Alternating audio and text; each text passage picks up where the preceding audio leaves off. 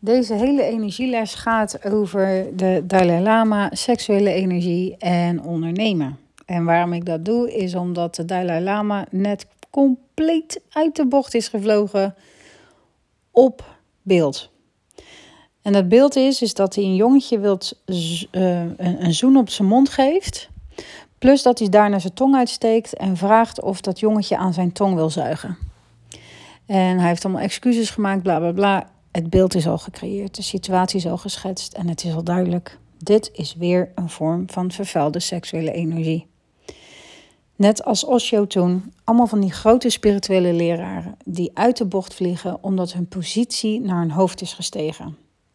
En ze zoveel macht hebben ontvangen en die seksuele energie niet kunnen reguleren. Er zijn maar weinig mensen ter wereld die seksuele energie kunnen reguleren.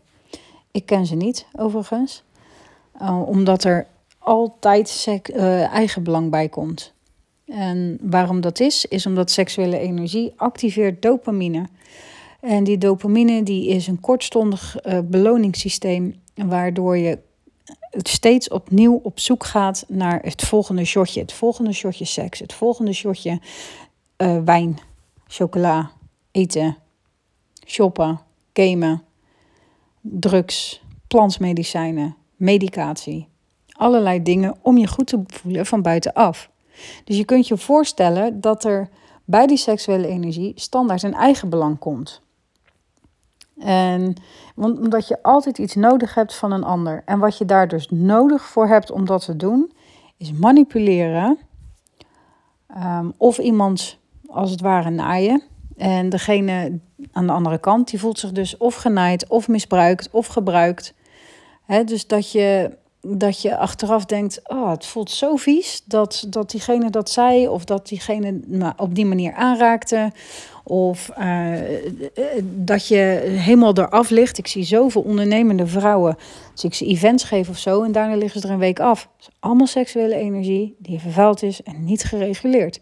Daar zit geen regulering onder. En dat is ontzettend moeilijk om dat te doen. dus er zijn kloosters in Nepal en alles, waarbij de seksuele energie, uh, dat ze algehele onthouding doen.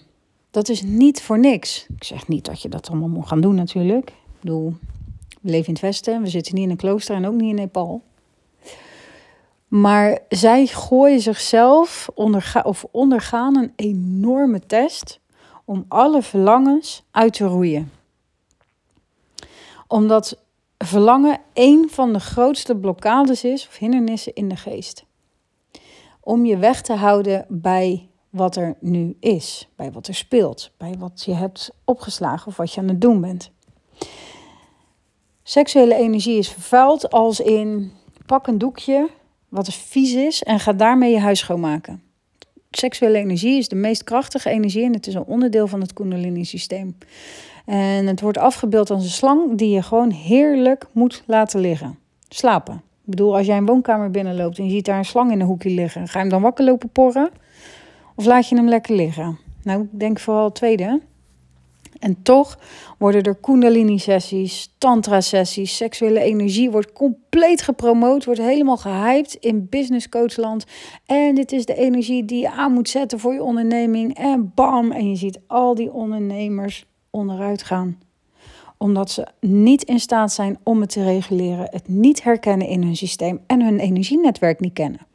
Er zijn 72.000 energiebanen waar de emotionele en de geestelijke processen overheen stromen. En seksuele energie is in staat, of de kundalini is in staat om in één klap al die energiebanen schoon te maken.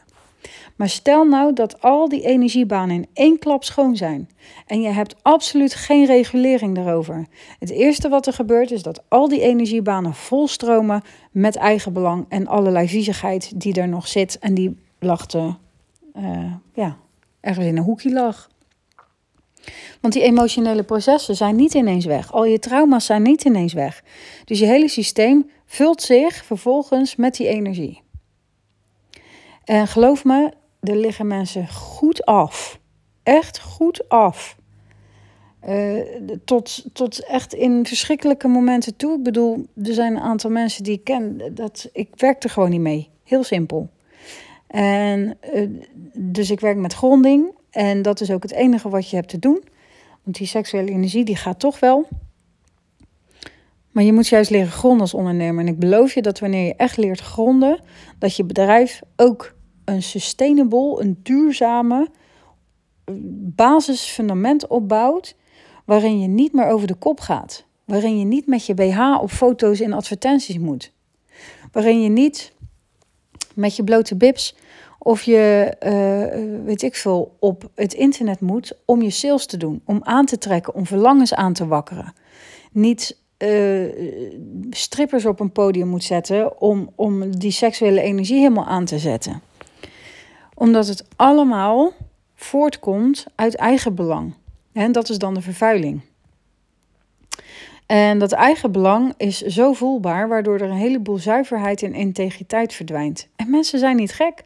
Let maar op, de komende jaren wordt het steeds, steeds, steeds belangrijker om als ondernemer zuiverder en integerder te worden. Waarom? Omdat mensen steeds meer gaan voelen. Steeds meer dat voelen toe gaan laten.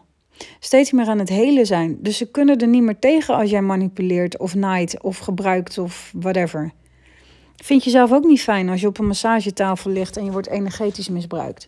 Of het nou door een man of een vrouw is. Dat je eraf stapt en denkt: Gadver, wat was dat nou weer? Dat ga ik niet meer doen.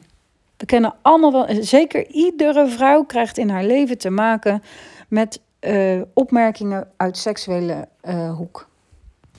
Hè, dus, uh, en ook mijn meiden hebben dat al meegemaakt. En het is echt niet fijn, maar je kan het niet voorkomen. Dus ik kan ze maar beter leren hoe ze ermee om moeten gaan, zodat ze het, zodat ze het vrouw zijn op een veilige manier kunnen gaan dragen en uitdragen. En misschien wel gaan verspreiden. Misschien mogen ze wel heel veel andere vrouwen straks gaan helpen.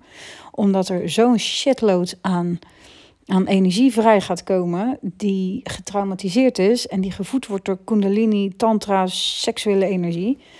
Waardoor heel veel ondernemers gewoon onderuit gaan. En hun bedrijf niet meer kunnen opbouwen of onderhouden. Of hun klanten niet meer kunnen leveren.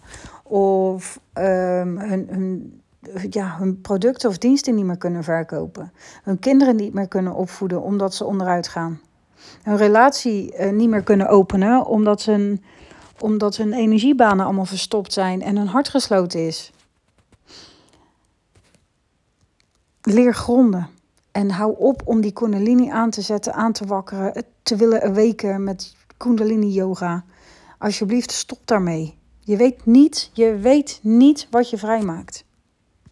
Je weet niet wat je vrijmaakt. Stop daarmee. Het is niet nodig. Het is niet nodig. Laat die slang lekker slapen.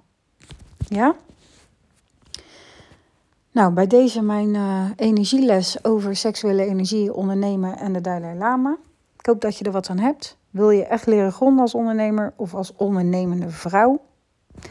dus een vrouw met een vuurtje, met passie, of die de passie weer wil voelen, dat zielenstuk, zielsmissie. Stuur me dan een bericht, een mail of via de website een, eh, eh, WhatsApp. En dan gaan we in gesprek voor uh, Enlights, de mastertraining. Dat is echt een fenomenale training, al zeg ik het zelf. Daarin leer je echt je energieveld schoonmaken en reguleren en onderhouden.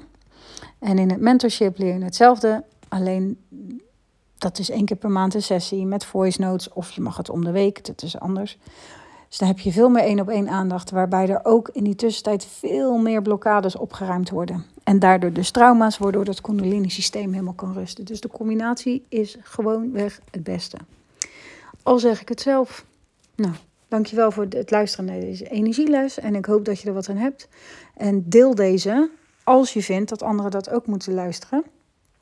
Of uh, als je dat gewoon voelt. Ik waardeer het in ieder geval. En als je het niet doet, is het ook eenmaal goed.